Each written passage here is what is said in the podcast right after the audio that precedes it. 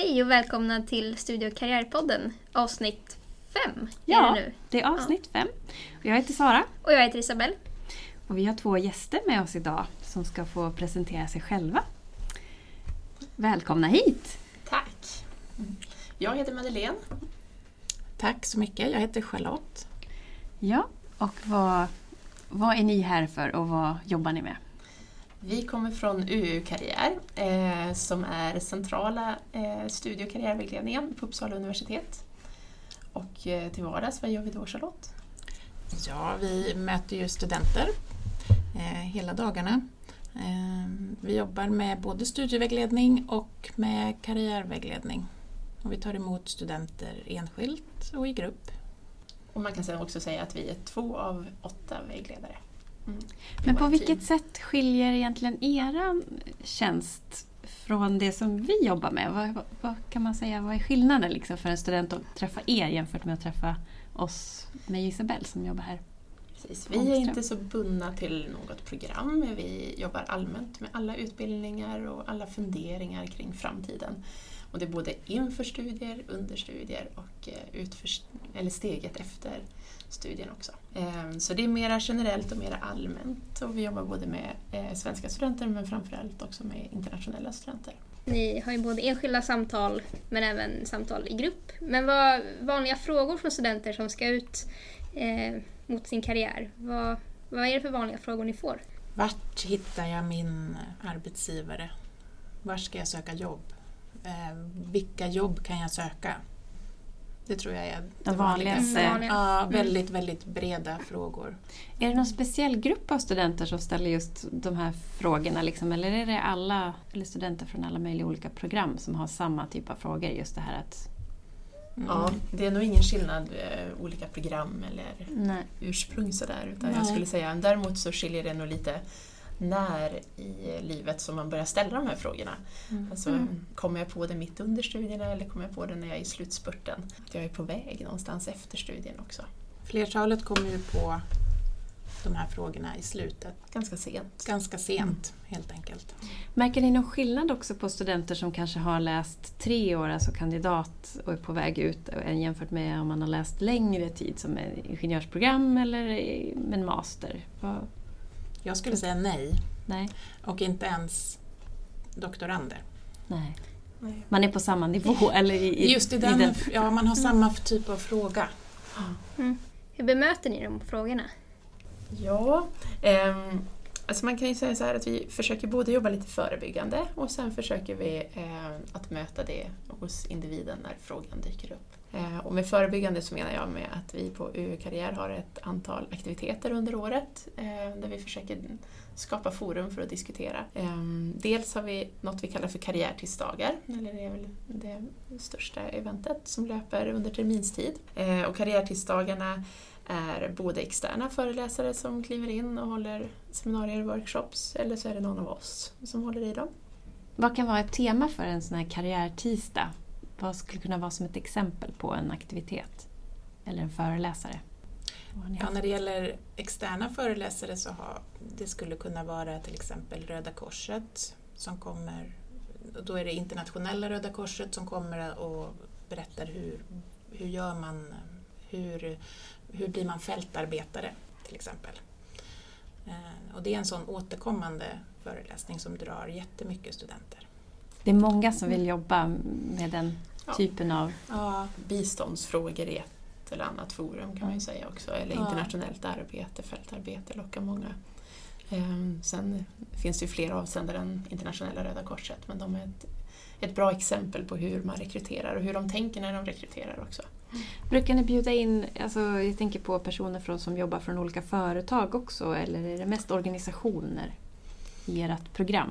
De sista åren har vi minskat ner de föreläsarna. Tidigare gjorde vi det oftare. Och, men då främst kanske specifika rekryterare för en viss bransch, skulle jag säga.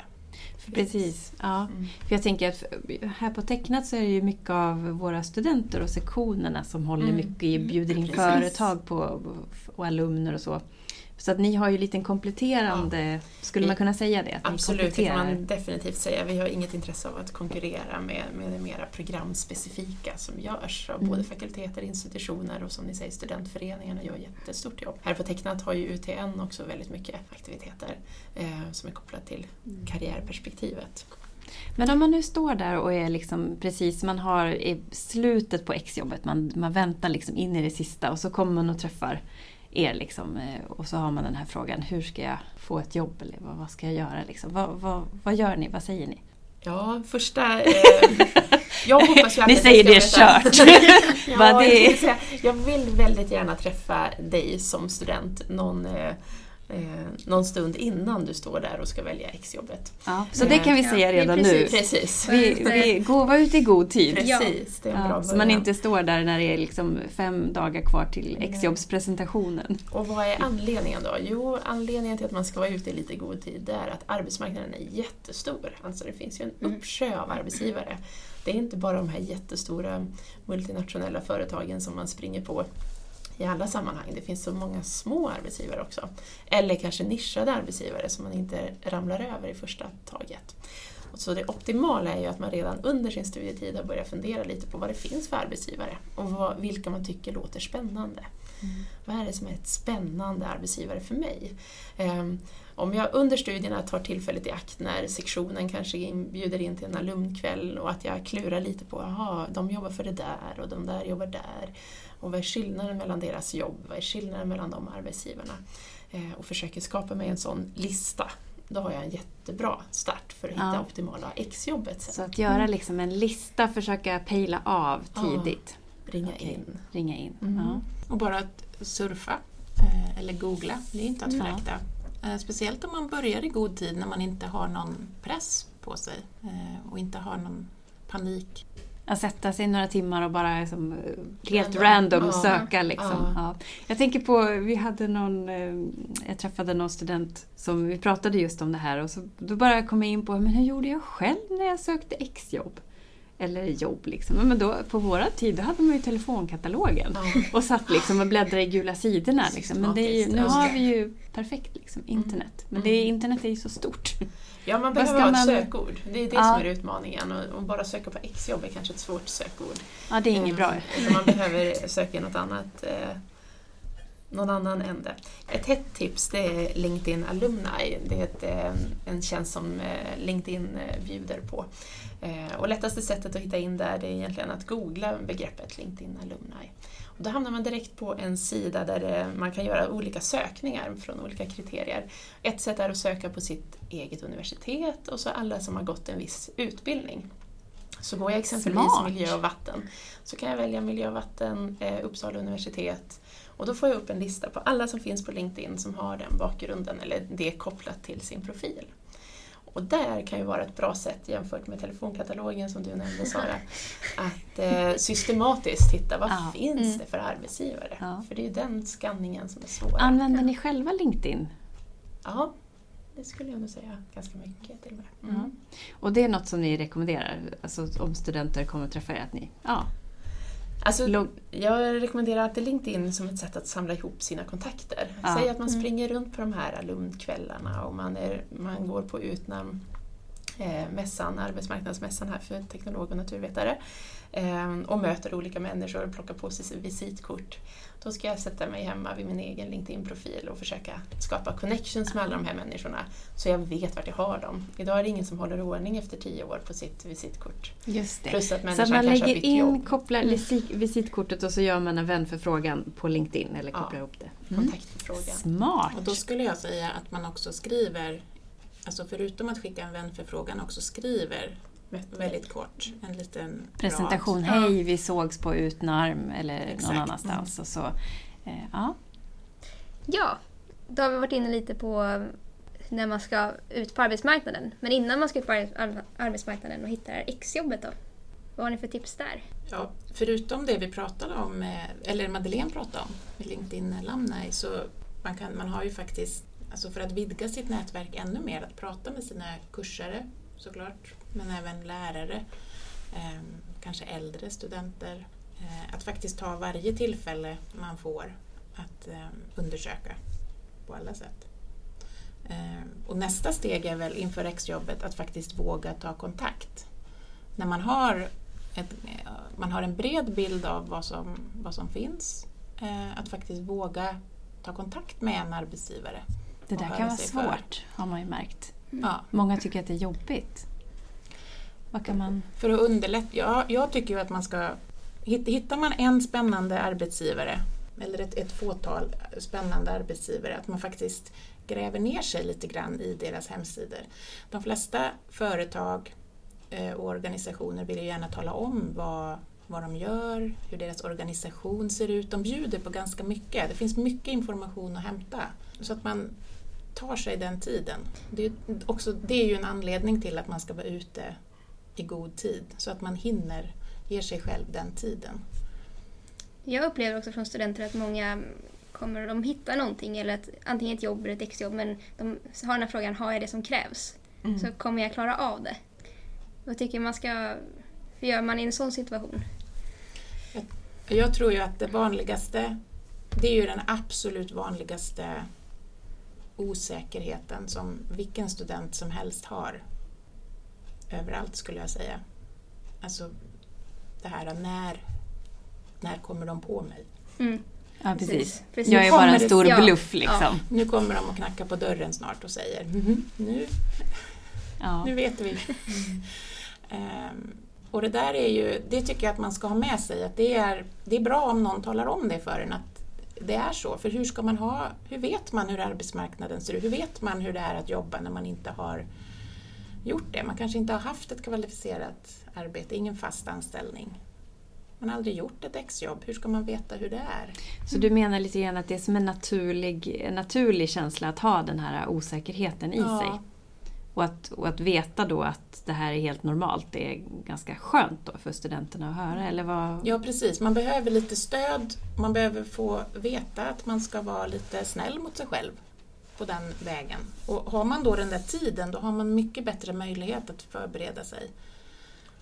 Jag brukar säga att jag tycker man kan gå väldigt mycket efter hjärtat. Alltså tycker man att något låter spännande och kul, så även om jag inte är fullt rustad eh, innan jag påbörjar exjobbet så kommer jag vara taggad för att fixa det sista steget. Om jag behöver läsa in någon mer programvara eller vad det kan vara.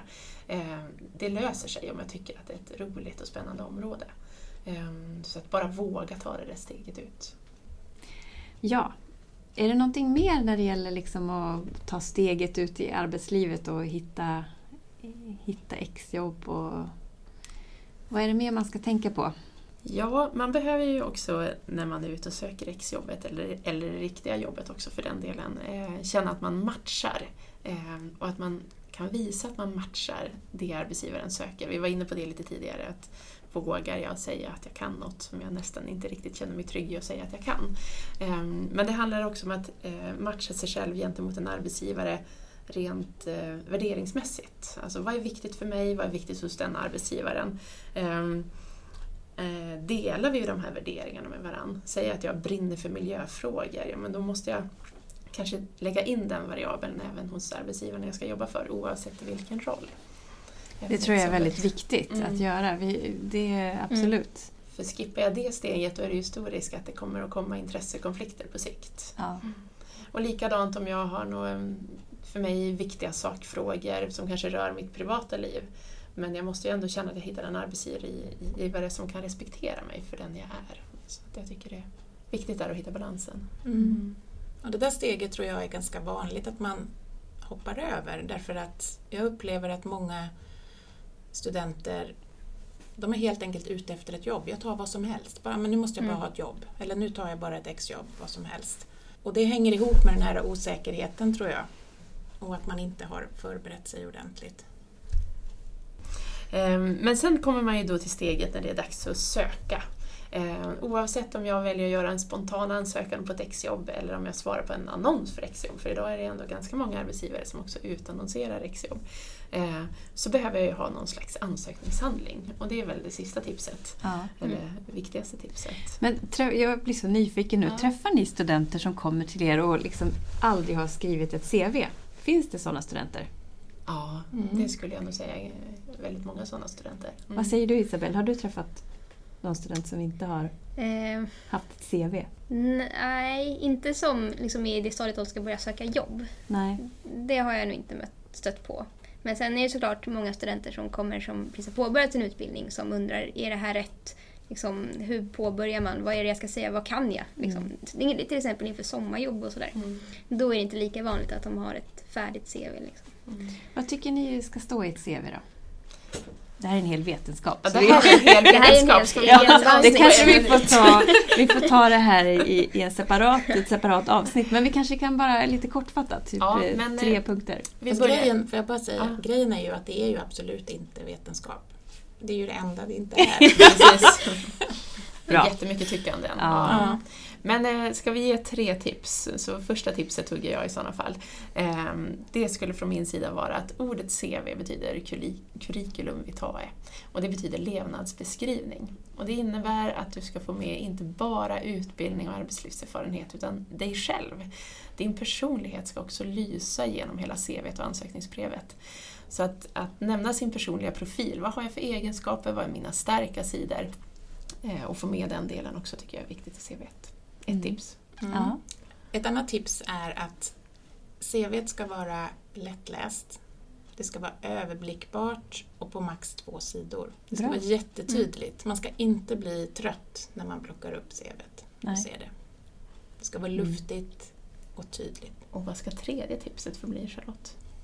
Är det något om layouten? Att inte använda Comic Sans typsnittet. Nej, jag bara skojar. ja, men jag, det snarare så här att inte använda times 12 och ett och ett halvt radavstånd. Man ska ha ett inte-tips. Ja, Okej, att Nej, ha men- någonting som sticker ut då alltså. Det behöver absolut inte sticka ut, men det behöver inte heller vara akademiskt tråkigt. Jag tycker att ett bra tips också kan vara att när man tittar på ett Tittar man på ett A4 helt enkelt med text på, det första man ser där det är ofta överst Mm. på pappret. Så översta delen är jätteviktig. Vill man, vill man göra till exempel en liten kort sammanfattning av sig själv i CV så ska man ju ha den på övre delen på första sidan. Mm. Kort och koncist och det blir liksom ögat dras dit och det är det första man läser. Vad Och brukar tanken- ni, och förlåt, jag- nu blir jag så nyfiken på det här med sammanfattning, men vad brukar ni säga till studenter som frågar om de ska ha ett foto på CVt? Brukar ni få den frågan? Mm, alltid. Alltid, tror jag också. Precis. Ja. Vad brukar Eh, ni svara då? då?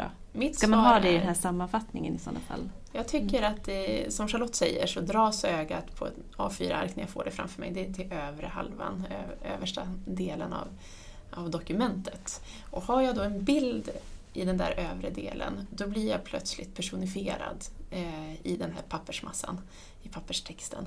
Eh, så jag tycker det finns många fördelar att ha en bild, bara för att det blir lättare för läsaren att minnas mig som person. Det handlar inte riktigt om hur jag ser ut och om jag var snygg eller inte på det fotot. Ehm, utan det är snarare för att hjälpa minneskapaciteten hos Ja. läsaren. Och det, det vill man ju bli. Man vill ju bli ihågkommen Mm. såklart när man lämnar ett, eh, lämnar ett CV. Jag tycker det är bra som du brukar säga Madeleine att om man har bildminne. Man ska tänka på det att vissa människor Just det. Har bildminne helt enkelt. Ganska många till och med. Mm. Eh, och när man skriver CV då är det ju faktiskt, eftersom det ska vara en livsberättelse så är det ju faktiskt viktigt att, att man vet vem man är och vad kan jag erbjuda. Hur kan jag matcha den här tjänsten eller arbetsgivaren. Eh, och då är man då ute i god tid som vi pratade om tidigare då kan det vara en god idé att eh, utnyttja något av våra workshops som vi erbjuder. Och bland annat så har vi en karriärplaneringsserie kan man säga. En serie med workshops i fyra delar som heter Se din potential som vi erbjuder till alla studenter höst och vår. Ja, eh, vi börjar ju närma oss slutet på det här och som sagt, vi har inte hunnit med brevet till CVt. Men jag tänker att det kan ju bli ett eget avsnitt senare för det är ju som sagt, man kan ju prata om det här i oändligheter. Absolut. Men eh, som en avrundare, har ni något sista ni vill, ni vill förmedla? Precis, förhoppningsvis vill några av er komma i kontakt med oss eh, efter Absolut. att ha tjuvlyssnat på det här. Eh, och bästa sättet det är ju att redan idag eh, signa in på Careergate, UU Careergate. Och den hittar du via studentportalen eh, nere i högra hörnet som en liten eh, logga eller en liten bild där att klicka på. Eh, Careergate, det är där vi lägger upp alla evenemang vi har, alla karriärtidsdagar under terminerna. Men det är också där som arbetsgivare annonserar efter just specifikt Uppsala universitetsstudenter. Kanske är det någon arbetsgivare som har det där exjobbet eh, precis lagt upp annonsen för just dig. Så att, eh, missa inte Careergate helt enkelt. Ja. Mm. Så Careergate kan man använda både för att komma i kontakt med er Mm. och se vad ni ordnar för eh, olika events och för att komma i kontakt med arbetsgivare. Det Precis. låter ju som eh, ett eh, givet ställe man måste besöka helt enkelt. Mm. Vi kan ju försöka lägga ut länken till det här på, på våran... På sidan, Ja. precis. Så att eh, ni som har hittat den här podden kommer även hitta länken till Careergate förhoppningsvis. Men då vill ju vi tacka er så hemskt mycket för att Ja. ni kom hit. Ja, tack Charlotte tack. och tack Madeleine. Tack för att vi fick Tack. komma hit. Ja, jätteroligt. Och eh, vi hörs igen, eller hur Isabelle? Ja, det gör vi absolut. Hej då! Hej då!